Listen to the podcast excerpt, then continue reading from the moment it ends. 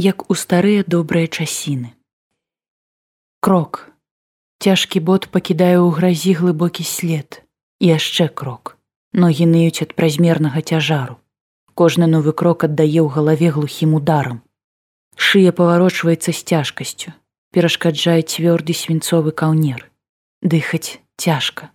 Паганы процігаз з замкнёным цыклам генерацыі кіслароду не можа працаваць нармальна. Нічога не відаць. Праклятае шкло вечна прэ. Хочацца піць.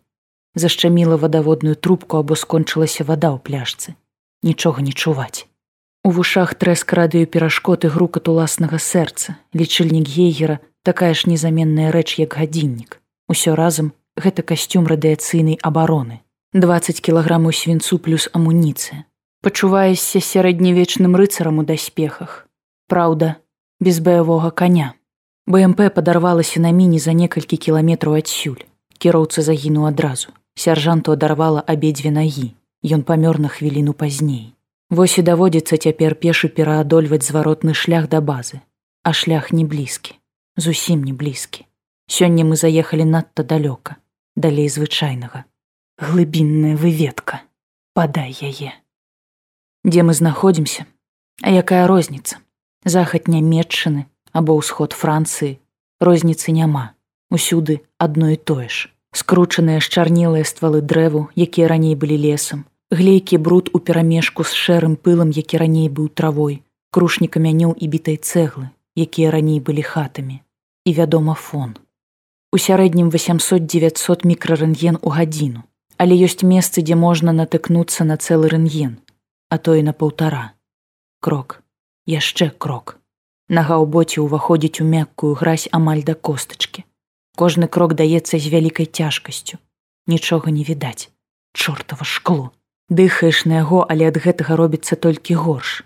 Антыкандэнсатныя мембраны супраць саправання даўно скончыліся. Лічыльнік гейгера трашчыць як звар'яцелы, але да гэтага гуку хутка абвыкаеш.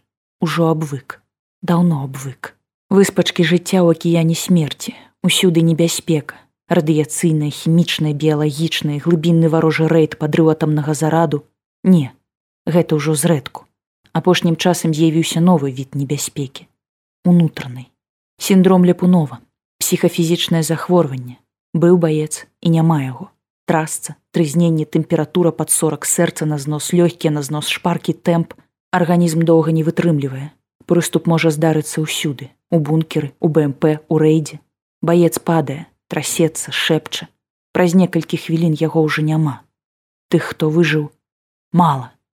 Вельмі мала. Ды і тыя ўжо не дзеяздольныя яны распавядаюць прынамсі тыя хто можа гаварыць дзіўныя рэчы цікавыя рэчы. Пра тое як было раней пра старыя добрыя часіны. Крок. Яшчэ крок. Балазе няма магчымасці любавацца пейзажам Шкло ў процігазе сапрэла канчаткова і незваротна. Нічога яго не бярэ. Маўляў, ідзем па прыборах.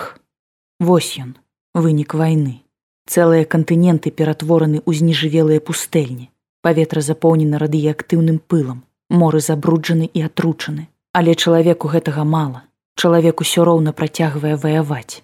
Чалавек вельмі жывучая істота. Мы закапаліся пад зямлю, глыбока пад зямлёй дзе няма радыяцыі а паветра праходзіць дзясяткі стадый ачысткі пабудаваныя цэлыя гарады у гэтых гарадах тысячы людзей працягваюць жыць працаваць і ствараць усё новыя і новыя сродкі знішчэння сабе падобных так усюды. І ў нас у савецкім звязе і ў іх у злучаных штатах. Еўропа толькі палігон дзе ўся гэтая зброя прыводзіцца ў дзеянне крок под ботам нешта хруснула зямля ператвораная ў шкло. Мусіць тут калісь гахнула кузькі на маць якое хараство. Роўная як стол шкляная паверхня. Ісці лягчэй. На жаль нічога не відаць. Праклятае шкло. Яшчэ крок. Нічога скора будзем дома. Дома у бункеры. Як гэта міла бетонныя сцены сырая подлога сухое вычышчанае паветра дысталяваная вода штучная ежа і кансервы на святы як гэта ўсё абрыдла хочацца каб як раней як у старыя добрыя часіны блакітнае неба над галавой зялёная трава под нагамі, смак свежага хлеба, солнце, паветра і вода. Сонца няма больш за год. Неба зацягнута шчыльным слоем аблокаў. Часам падае снег. Шэры зніжывелы снег, падобны на попел. І гэта ў жніўні. Снег кладзецца роўным пластом на руіны, на рэшткі дрэваў на пакутлівую зямлю. Ён надае ўсяму, да чаго датыкаецца свой шэра-сталёвы колер, але нічога не мяняецца.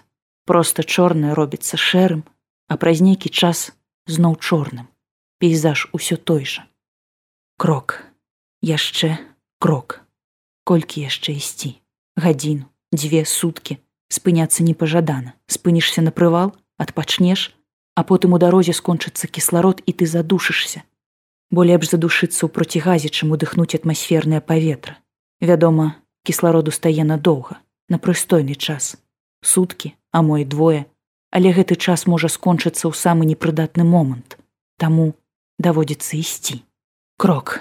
Цвёрдая паверхня скончылася. Зноў ідзем па гразі. Яшчэ крок. Нічога не відаць. Чортава паганае шкло. Але не, пачакай, нешта ўсё-ткі відаць. Скрозь заслону прабіваецца святло, наперадзе маячыць нешта зялёнае. Рука інстынктыўна цягнецца да процігаза, каб працерці непаслухмянае шкло і дзіва дзіўнае. Заслона спадае з вачэй. Наперадзе паміж абгарэлымі стваламі дрэваў віднеецца маленечкая зялёная палянка. Зусім не кранутая разбурэннем. Палянку асвятляе роўнае сонечнае святло.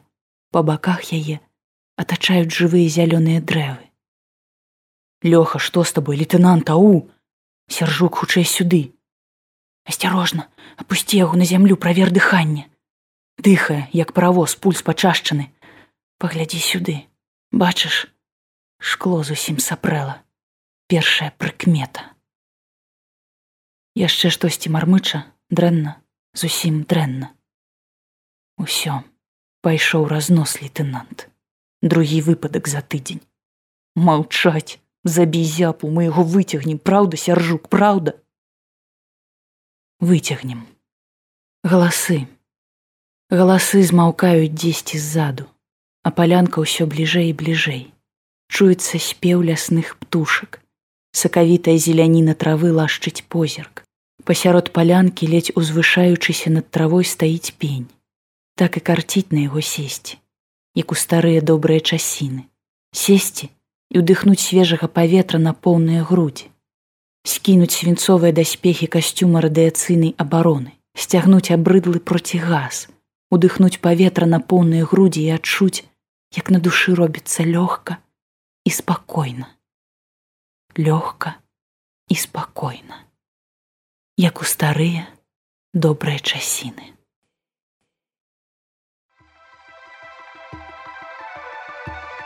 Запіс аўдыокнігі зроблены установай Моцарт.